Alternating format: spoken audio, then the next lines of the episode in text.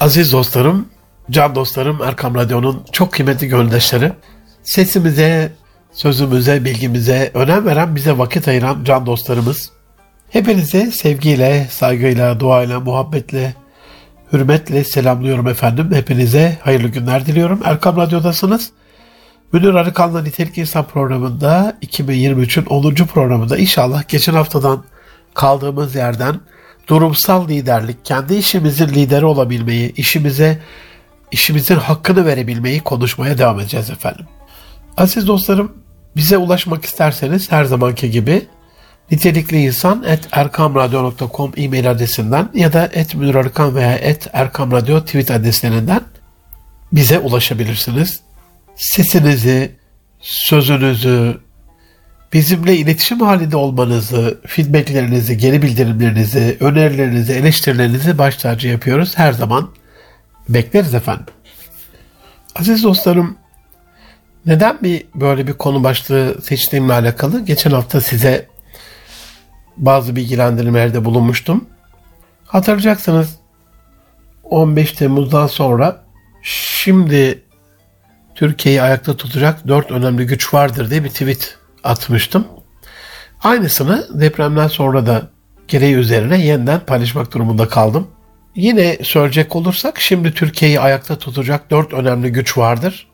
Halk için adalet, yani halkın adaletle yönetilmesi, uzlaşı için liyakat, yani bizi sevmeyenler için, bizimle kan davası güdenler için liyakat esasına dayalı bir yönetim sistemi kurduğumuzda onların çocuklarını, hısım akrabalarını, liyakat sahibi olanları dışlamadığımız sürece uzlaşıyla sonuçlanacak bu.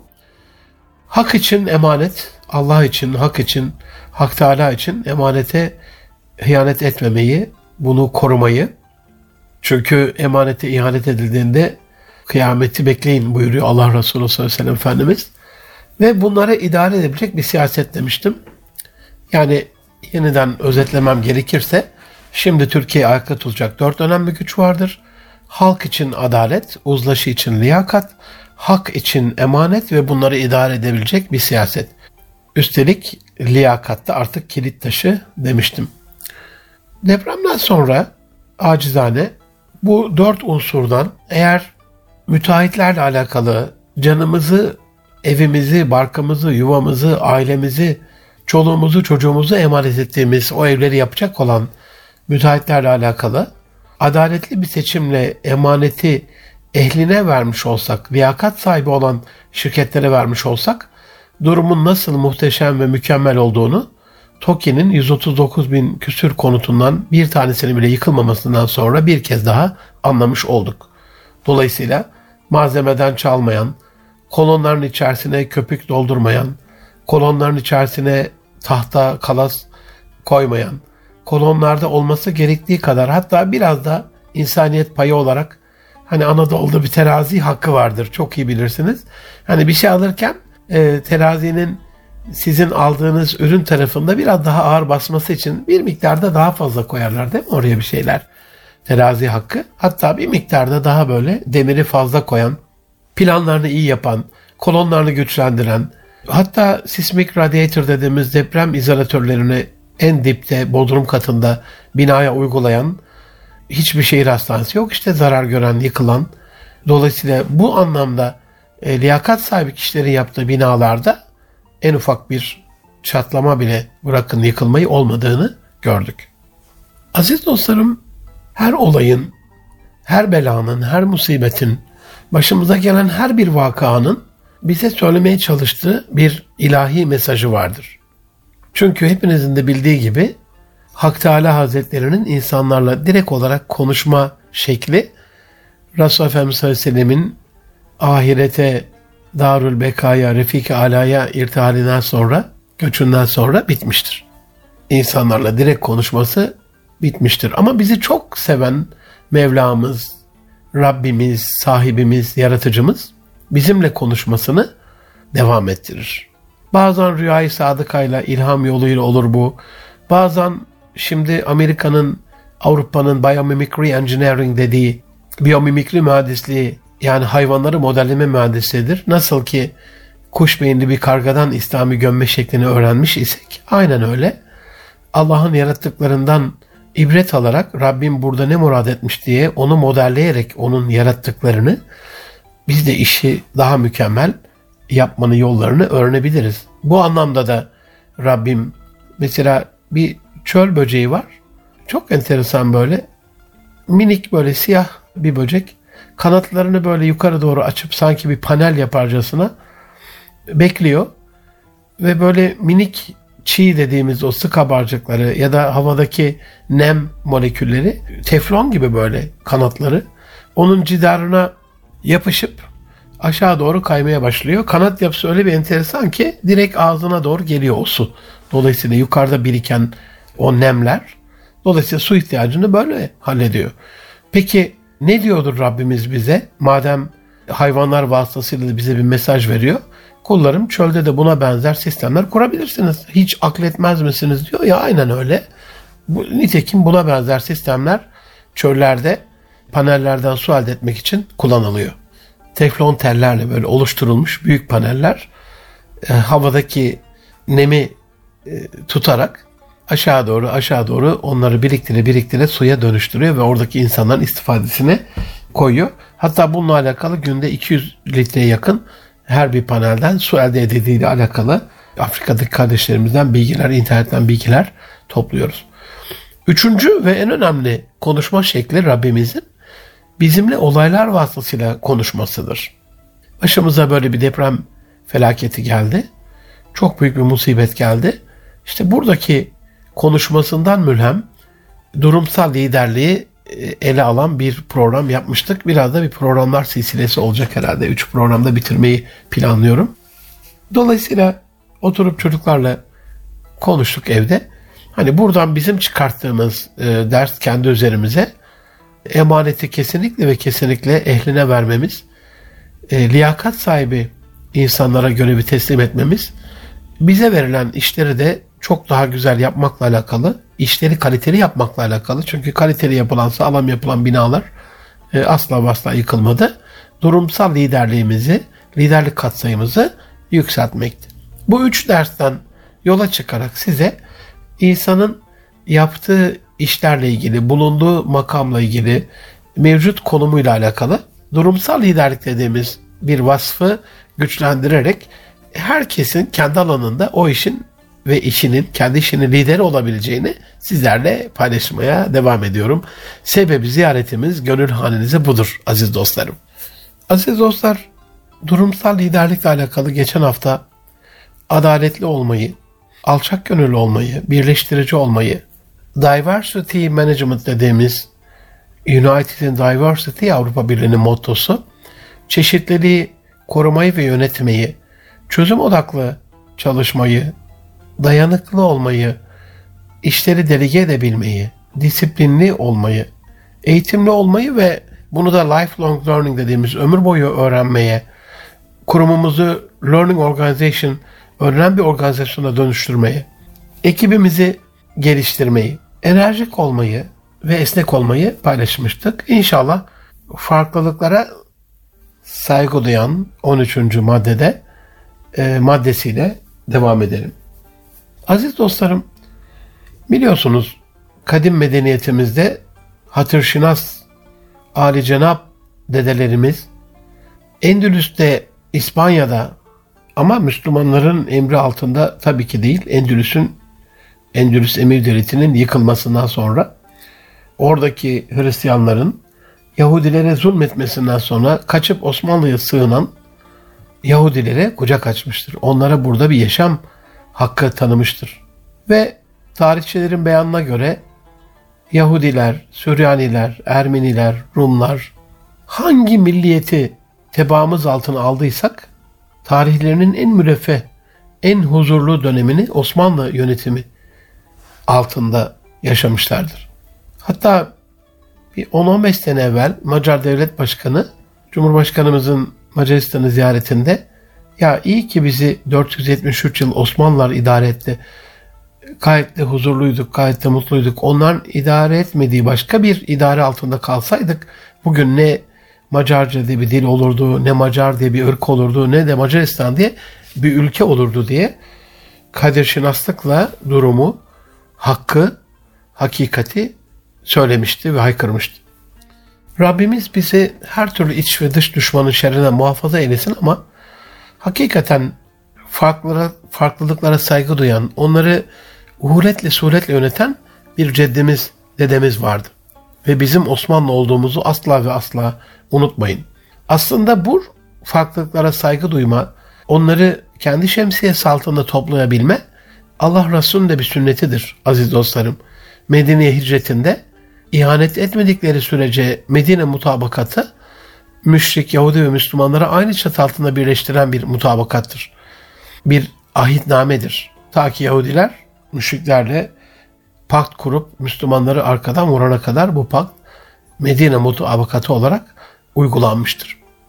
Bizde mesela kafir değil müellife-i kulüp hitabı gibi daha güzel bir hitabın olması da hatta semavi din mensuplarına kafir diye değil de ehli kitap diye hitabımız da bu güzel hitabımız da bu yüzdendir.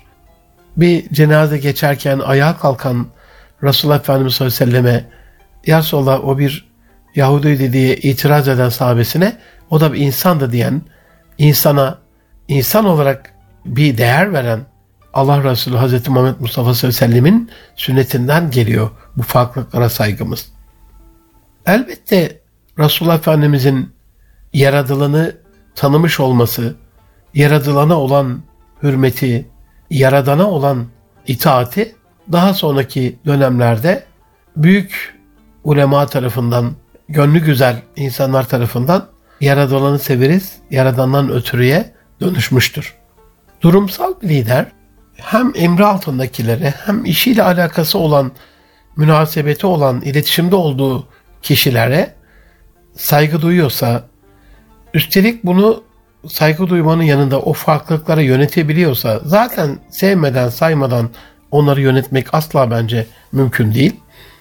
İşin oradaki manevi dinamiği, enerjisi hem sevgi hem de saygı duymak o farklılıklara. Zaten hani Müslüman o farklılıklara yaşam hakkı tanıyan değil mi? Hani Kudüs'ü fethettikten sonra oradaki Hristiyanlar, Yahudiler kılıçtan geçirilmedi. Onların mescitlerine dokunulmadı, onların kiliselerine dokunulmadı, onların ibadethanelerine dokunulmadı. Bu anlamda hem Hazreti Ömer Efendimiz de daha sonra Fatih Sultan Mehmet Hazretleri'nde Ulu Ceddimiz Fatih de bunu görüyoruz. Yani fethettikten sonra yine Ayasofya'da toplanan Hristiyanları kılıçtan geçirmiyor. Onları affediyor. Yine Mekke'yi fetheden peygamberimiz belli mekanlara sığınanlara asla dokunulmayacağı ile alakalı onlara hayat hakkı tanıyor ve asla ve asla intikam almıyor biliyorsunuz. Burada durumsal liderlikle alakalı farklılıklara saygı duymayı sadece e, insan olarak düşünmeyin ne olursunuz. Bu hayvanları da, bitkileri de hatta eşyayı da kapsayan. Şimdi medeniyetlere saygı duymayan insanlar yok edici oluyor. Bir önceki dönemin bütün eserlerini tahrip ediyor, yıkıyor, yakıyor, yok ediyor. Yani farklılıklara saygı hani her zaman söylediğim gibi eşyanın hakikatindeki estetik insan içindeki ahlakla ortaya çıktığı sürece bu medeniyetin tahrip edilmemesi lazım. Velev ki e, müstehcenlikle, gayri ahlakilikle, Allah'a isyanla içinde e, küfür ve şirk özellikleri bulundurmasın. Bu anlamda Müslümanın durumsal liderlikte her bir muhtarımızın, her bir belediye başkanımızın, her bir milletvekilimizin, her bir valimizin, her bir bakanımızın kendi sorumluluk alanındaki insanları, hayvanları, bitkileri, canlıları ve oradaki eşyayı koruyup kollamakla ilgili ve, ve onların o farklılıklarına saygı duyarak onları yönetmekle ilgili bir mükellefiyeti vardır. Tabi bunu deprem dolayısıyla global düşünmekten, ulusal düşünmekten zaten e, yöneticilerimiz e, gereğini yapmaya gayret ediyor. İmtina ederek yani devlet yönetimine talip falan değiliz sadece kendi cürmümüz kadar kendi bulunduğumuz yerde liderlik yapabilmek açısından bunun yollarını anlattığımız durumsal liderlik zaten bölümün adı. Biraz boşuna çene çalmayı seviyoruz gibi geliyor bana aziz dostlarım. Biraz dedikodu yapmayı, biraz gıybet etmeyi, biraz boyumuzu haddimizi aşan meselelere dalmayı. Hani ben devlet idarecisi değilim. Elbette bazı fikirlerim olabilir ama onu da zaten Twitter'dan sizlerle paylaşıyorum. Emaneti eline vermekle alakalı o emanet ehli kimse onunla paylaşmaya gayret ediyorum. Dolayısıyla ben bir bilim insanı olarak, bir düşünce koçu olarak fikirlerimi ifade eden mükellefim. İcra makamında değilim, kolluk kuvveti değilim devletin, bir yaptırım gücüm yok. Dolayısıyla ifade ederim. Allah Resulü sallallahu aleyhi ve Efendimiz diyor ya tebliğ ettim mi ya Rab? Şahit ol ya Rab. Tebliğ ettim mi? Şahit ol ya Rab. Biz de aynen öyle. Onun yolundan giderek tebliğ ettik mi değerli dostlar diye söyleriz. Fezekir inne Fatih Zikra'ya da çok inandığımı belirtmek isterim. İnsana beyanı öğreten Allah'ı Zülcelal hakkı için sen öğüt ver. Muhakkak ki öğüt fayda verir beyanına, hitabına. Çok inandığım için konuşmaya, anlatmaya devam ediyoruz. Dolayısıyla kendi liderlik çapımız, etki alanımız çerçevesinde bulunan bütün insanlara, canlılara, bitkilere, hayvanlara ve orada devraldığımız medeniyetin emanetlerine saygı duymak, onları koruyup kollamakla mükellefiz. Bunu kendi durumsal cürmümüz kadar yer yakacaksak haşa niye yakalım canım? İhya edeceksek bulunduğumuz mekanı mesela bunu bir aileye uygularsak aile içerisindeki farklı görüşlere saygı duymamız gerekiyor. Bunu bir geniş aileye uyarlarsak akrabalar arasındaki farklılıklara saygı duymamız gerekiyor. Bunu bir şirkete indirgersek farklı departmanların farklı fikirlerine saygı duymamız gerekiyor. Farklı çözüm önerileri getiren, olaylara farklı yönlerinden yaklaşan dostlarımızın fikirlerine saygı duymamız gerekiyor. Aslında bizatihi sırf bize benzeyen insanları işe alarak değil, bize benzemeyenlerle ilgili de liyakat sahibi insanları işe alarak onların farklılıklarına saygı duymamız gerekiyor aziz dostlarım. 14. maddede finans yönetimi geliyor. Durumsal lider, işinin lideri olan, bulunduğu makamın, bölgenin, konumun lideri olan kişiler için. Cumhurbaşkanımız İstanbul Büyükşehir Belediyesi Başkanı olduğunda biliyorsunuz eski yolsuzlukları, suyla alakalı sıkıntılar, büyük bir e, çile yaşıyordu İstanbul. Birkaç ay içerisinde düzelince hiç unutmuyorum bir muhabir sormuştu efendim bunu neye borçluyuz diye. Hani daha evvel geçmişinizde belediye başkanlığı yok. İSKİ ile alakalı bir su idaresinde çalışmışlığınız yok. Nasıl oldu da bu kadar başarılı olabildiniz diye. Biz israf musluklarını, çalmayı, çırpmayı önledik, muslukları kapattık demişti. Yani bunu yapabiliyoruz. Biz yapabildiklerimizi yaptığımızda da Rabbim yapamayacaklarımızı yapmakla ilgili bize yardımcı oldu demişti. Bu beyanı çok önemsiyorum. Dolayısıyla finans yönetimi sadece eldeki mevcut paranın yönetimi değil aziz dostlarım. Hani diyelim 100 e, birimlik bir para kazanıyorsunuz. Bunu kağıda dökerek işte 3 lirası buraya, 15 lirası buraya, 17 lirası buraya, 23 lirası buraya gibi bu değil, yönetim bu değil. Önce israf mı masraf mı? Bu dengeyi ortaya koymak gerekiyor. İsraf lüzumsuz harcamalar. Masraf gerçekten o parayı harcamanız gereken masraf kalemleri. Dolayısıyla bu tablodan sonra hani israf masraf dengesini bulduktan sonra mas masrafa doğru yönelmeniz, israf musluklarını kapatmanız gerekiyor. Bununla alakalı ailelerde marka düşkünlüğü olan yavrularımız çok. Onları o marka düşkünlüğünden kurtarmak gerekiyor. Bununla alakalı projeler yapmak gerekiyor. Tasarruf alışkanlığı kazandırmak gerekiyor. Faizden böyle zebraların aslandan kaçtığı gibi kaçınmak ve korunmak gerekiyor yatırım yapmak gerekiyor bir de. Sadece hani o eldeki yüz birimi korumak değil, o tasarruf ettiğimiz miktarı İslam tamamen bir yatırım bakış açısıyla bakar eldeki paraya. Çünkü onu belli bir yatırımda kullanmadığınız sürece, biriktirdiğiniz sürece her yıl kırkta biri zekat olarak ayrılmak zorundadır. Hani zekat hem bir fakirin hakkı olarak üzerinize bir vecibe ve müeyyide hem de sizi yatırıma ve o parayı kullanmaya, onunla çok daha fazla paralar kazanıp zekatı vermek için çalışın diyor ya ayet-i kerimede.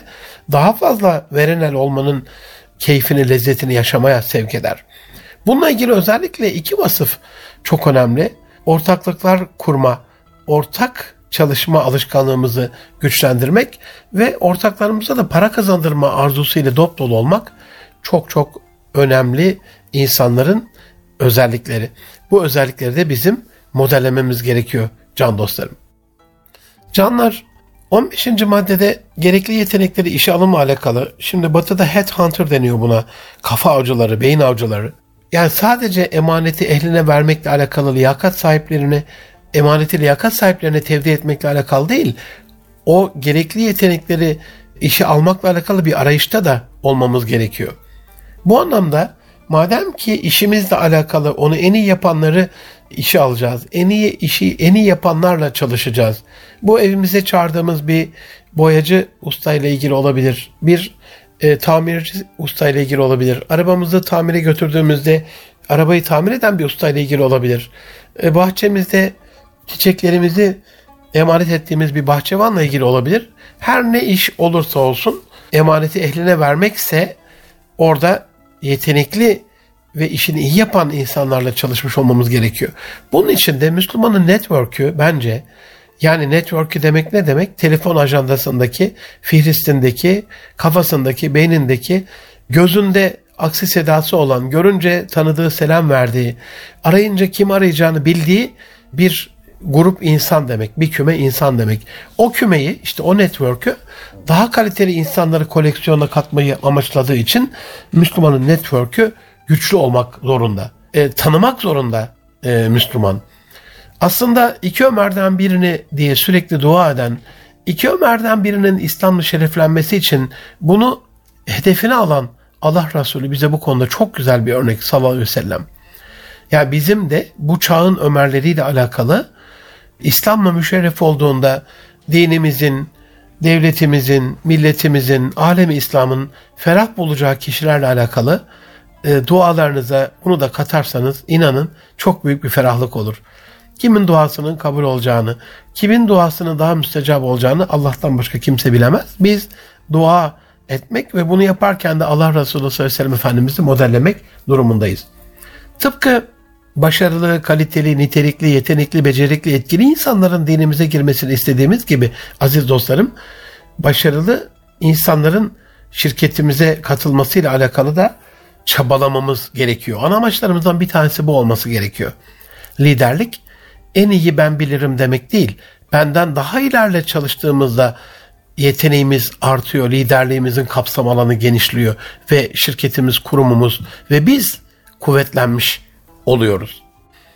Can dostlarım, bendeniz Münir Arıkan, özellikle deprem sonrasında boynumuzdan büyük cürmümüzü aşan laflar etmek yerine kendi kapsama alanımızda, etki alanımızda durumsal liderlik vasfımızı geliştirerek bize emanet edilen işleri daha kaliteli yaparak bizim bulunduğumuz alan içerisinde orayı bir felaketten, afetten, musibetten korumanın yollarını paylaştığım durumsal liderlik programımızın ilk yarısında kısa bir ara veriyorum. Az sonra yeniden görüşmek üzere efendim.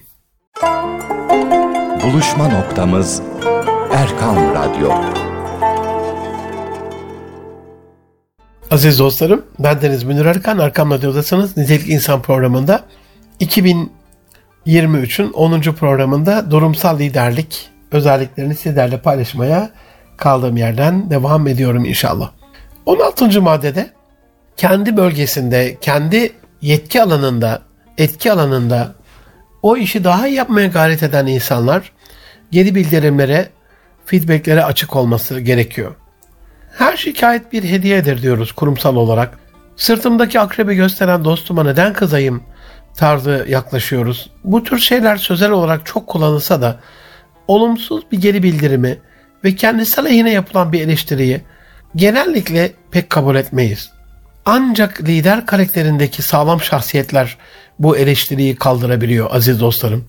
Zayıf karakterler kendi lehlerine olmasına rağmen bundan bir kazanç elde etmelerine rağmen hani biraz sonra bir akrep sokacak sizi Allah korusun zarar göreceksiniz. Dolayısıyla bu olumsuz bir geri bildirim değil aslında. Çok olumlu, hayati, hayat kurtaran bir geri bildirim. Ama genellikle zayıf karakterler bu tarz geri bildirimlere kapalı oluyorlar.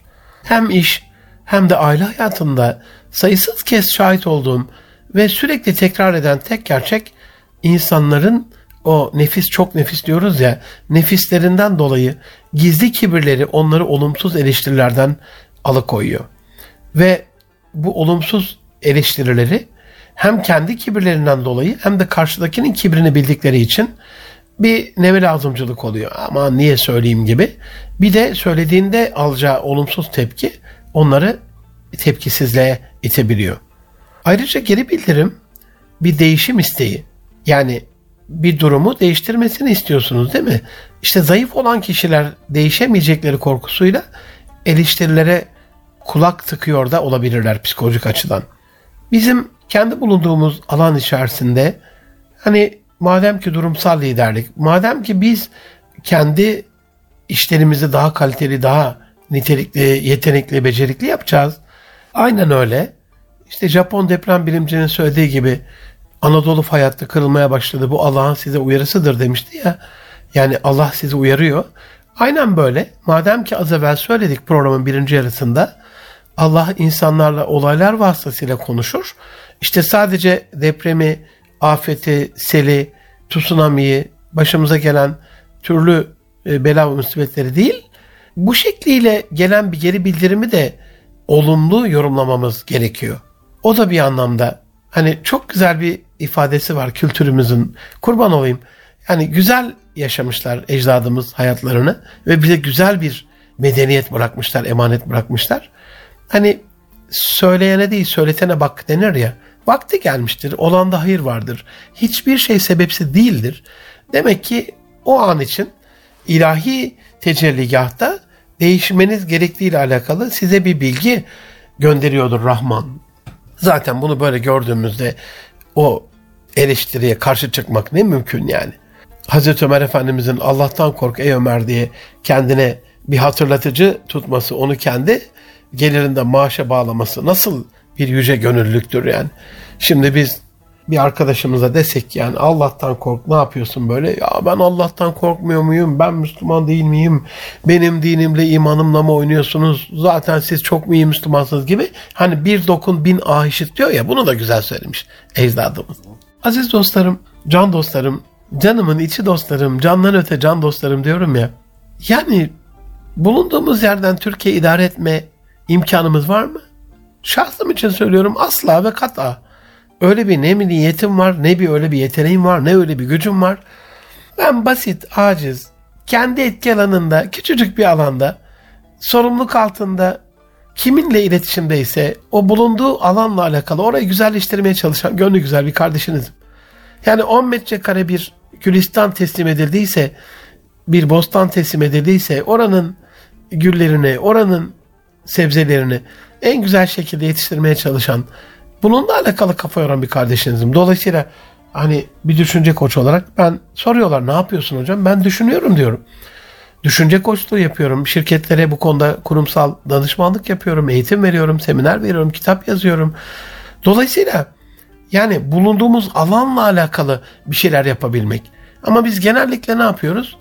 Etki alanımı, ilgi alanımı etki alanını bırakıyoruz. Aslında durumsal liderlikle güzelleştirebileceğimiz bir çok güzel bir alan var. O 10 metrekare. O 10 metrekareyi bırakıp Türkiye Cumhuriyeti ile alakalı, devletle alakalı, hükümetle alakalı, işte ben olsam şunu yaparım diye ahkam kesiyoruz. O da etkili olmuyor zaten. Bu anlamda 17. madde durumsal liderlikle alakalı güvenilirlik.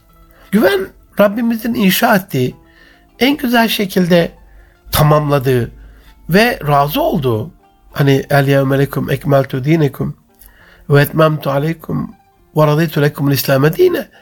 Yani ben bugün dininizi tamamladım size olan nimetlerimi tamamladım e, size din olarak İslam'ı seçtim ve bundan razı oldum. Ayet-i kerimesinde buyurduğu şekliyle razı olduğu son din İslam.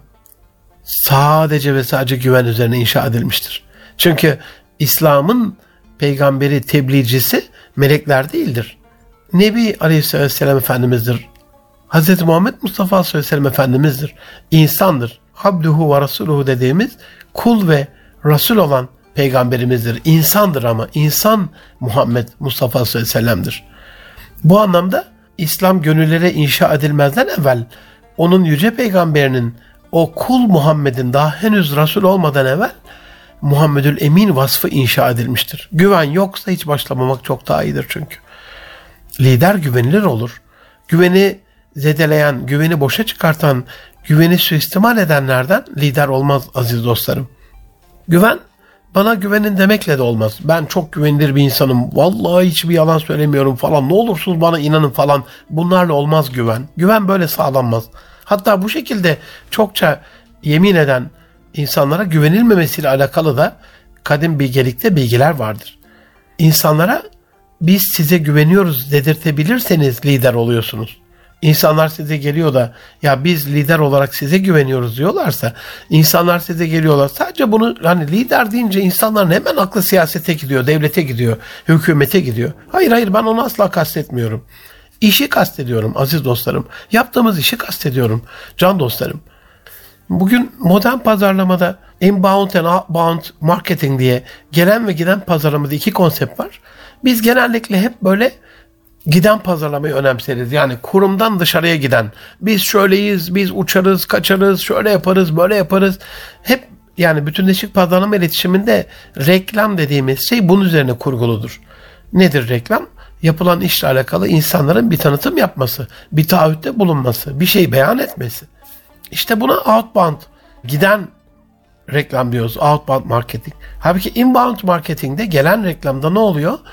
Ee, insanlar sizin o işi yapacağınızla alakalı bilgi sahibi oluyor. Sağdan soldan, eşten, dosttan, akrabadan duyuyor ve size gerek ki biz bu işle alakalı size güveniyoruz.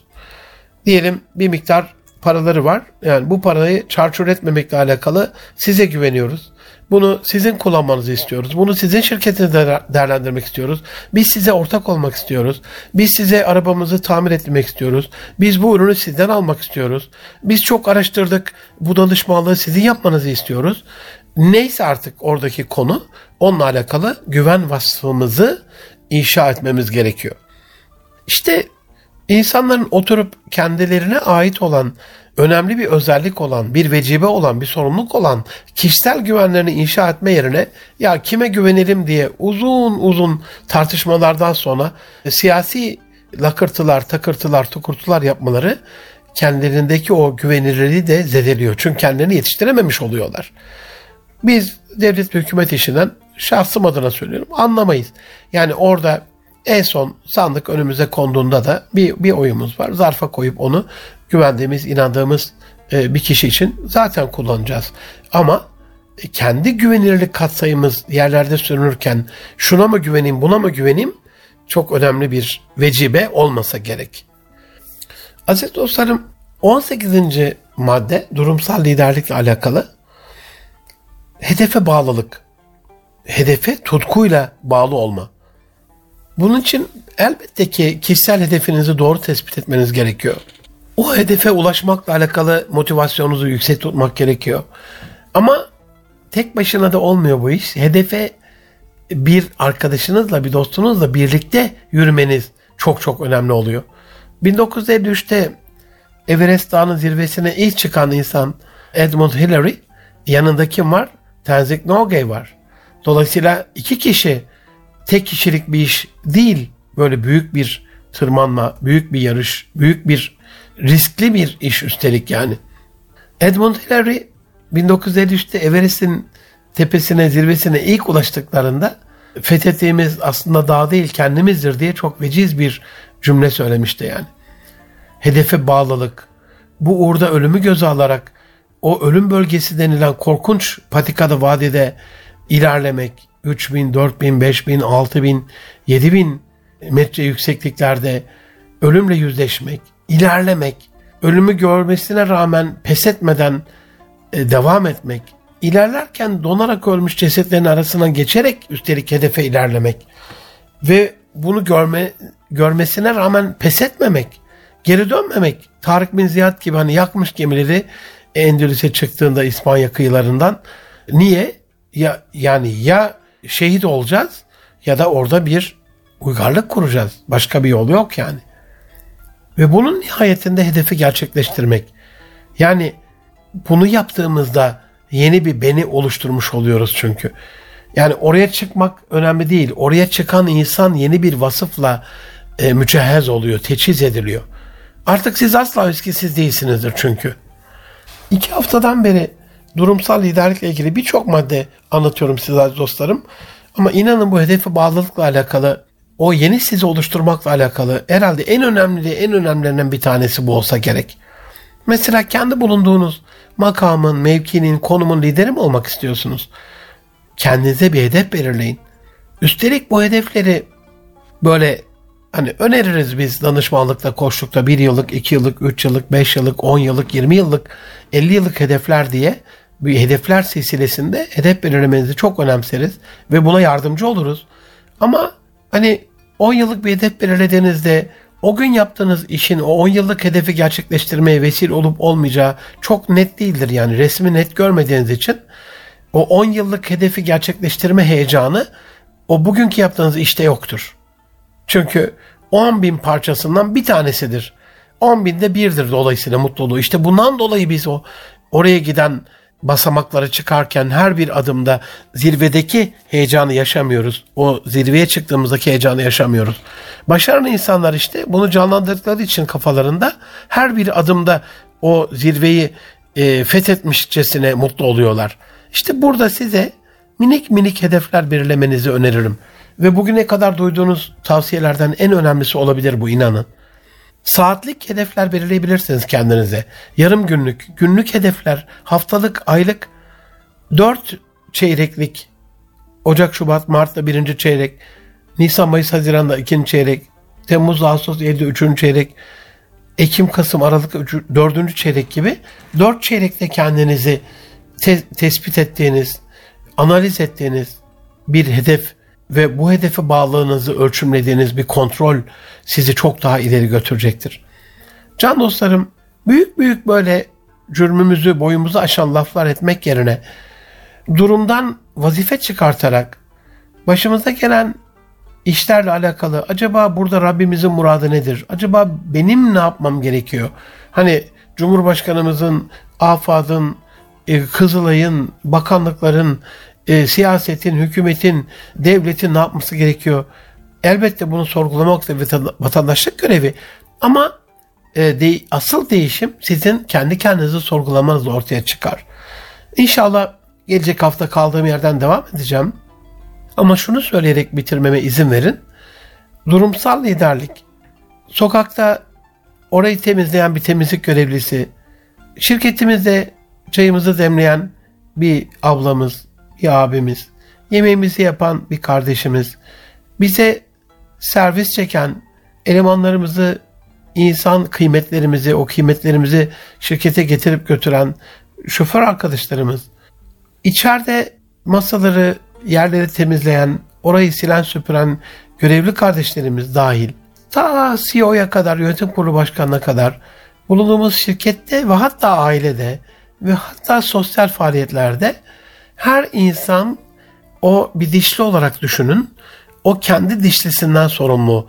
O dişlileri kırmadan, diğer çarkla uyumlu hale getirerek, kendi konumunu doğru belirleyerek, ya ben durmak istiyorum gibi bir saçmalıkla o durduğunuzda dişliler kırılacak işte. Öbür dişlere zarar vereceksiniz. Kendi dişinizi de kıracaksınız. Dolayısıyla durumsal konumunun da farkına vararak, onun da farkında olarak bu çarkın işleyişinde, bu sistemin dönüşünde görevli olduğunu, vazifedar olduğunu bilerek kendi üzerine düşen vecibeleri tam ve eksiksiz yapmanın adıdır durumsal liderlik. Yoksa burada sorumlu olduğumuz kişilerin bizden beklentisini yerine getirmeden başka başka kurumların, şirketlerin, ülkelerin, devletlerin emrine koşmak olsa olsa ihanet olur. Düşünsenize kendi şirketinizde çok gönlü güzel bir insan var ama hiç sizin şirketinize gelmiyor. Soruyorsunuz diyelim bir pazarlama müdürü. Efendim diyor şu anda çok önemli bir ürün pazarlıyorum. Hakikaten pazarlamayı da çok güzel yapıyor. Ve pazarladığı ürün de diyelim bir ilaç olsun. Ve insanların hayrına olan böyle zararlı bir ilaç değil çok faydalı faydalı bir ilaç olsun. Yan etkisi olmayan bir ilaç olsun. Hani burada aferin çok güzel bir şey yapıyorsun buyur bir maaş da bizden der miyiz? Böyle bir şey yapar mıyız? Hangi şirket çalıştırdığı elemanı dışında bir elemana aylık olarak böyle bir maaş öder? Dolayısıyla maişetimizi kendi sorumluluk alanımızdaki kişilerle ilgili harcamakla mükellefsek kazanç kısmında da sorumluluğumuzu yerine getirmekle de mükellefiz. Durumsal liderlik tam olarak bu. Büyük büyük şeylere bakmadan bizden çok daha yüksek rakımlı tepelere göz dikmeden kendi sorumluluk alanımıza odaklanmanın adıdır durumsal liderlik. Her birimizin kendi sorumluluk alanında durumsal liderlik katsayısını çok çok yükselterek kendisini bu vesileyle bu afet dolayısıyla bir daha yaşamaması adına en azından ben bulunduğum sokağı çok temiz sokağa bırakalım kendi evimin önünü çok temiz yapacağım diye herkes kendi evinin önünü süpürdüğünde zaten sokak tertemiz oluyor. Böyle bir temizlik harekatı oluşuyor. Bu anlamda vecibelerimizi, sorumluluklarımızı bir hakkın layıkıyla yerine getirdiğimiz bir gelecek diliyorum ve bunun için sizlere dua ediyorum. Gelecek hafta görüşünceye kadar hoşçakalın. Allah'a emanet olun efendim.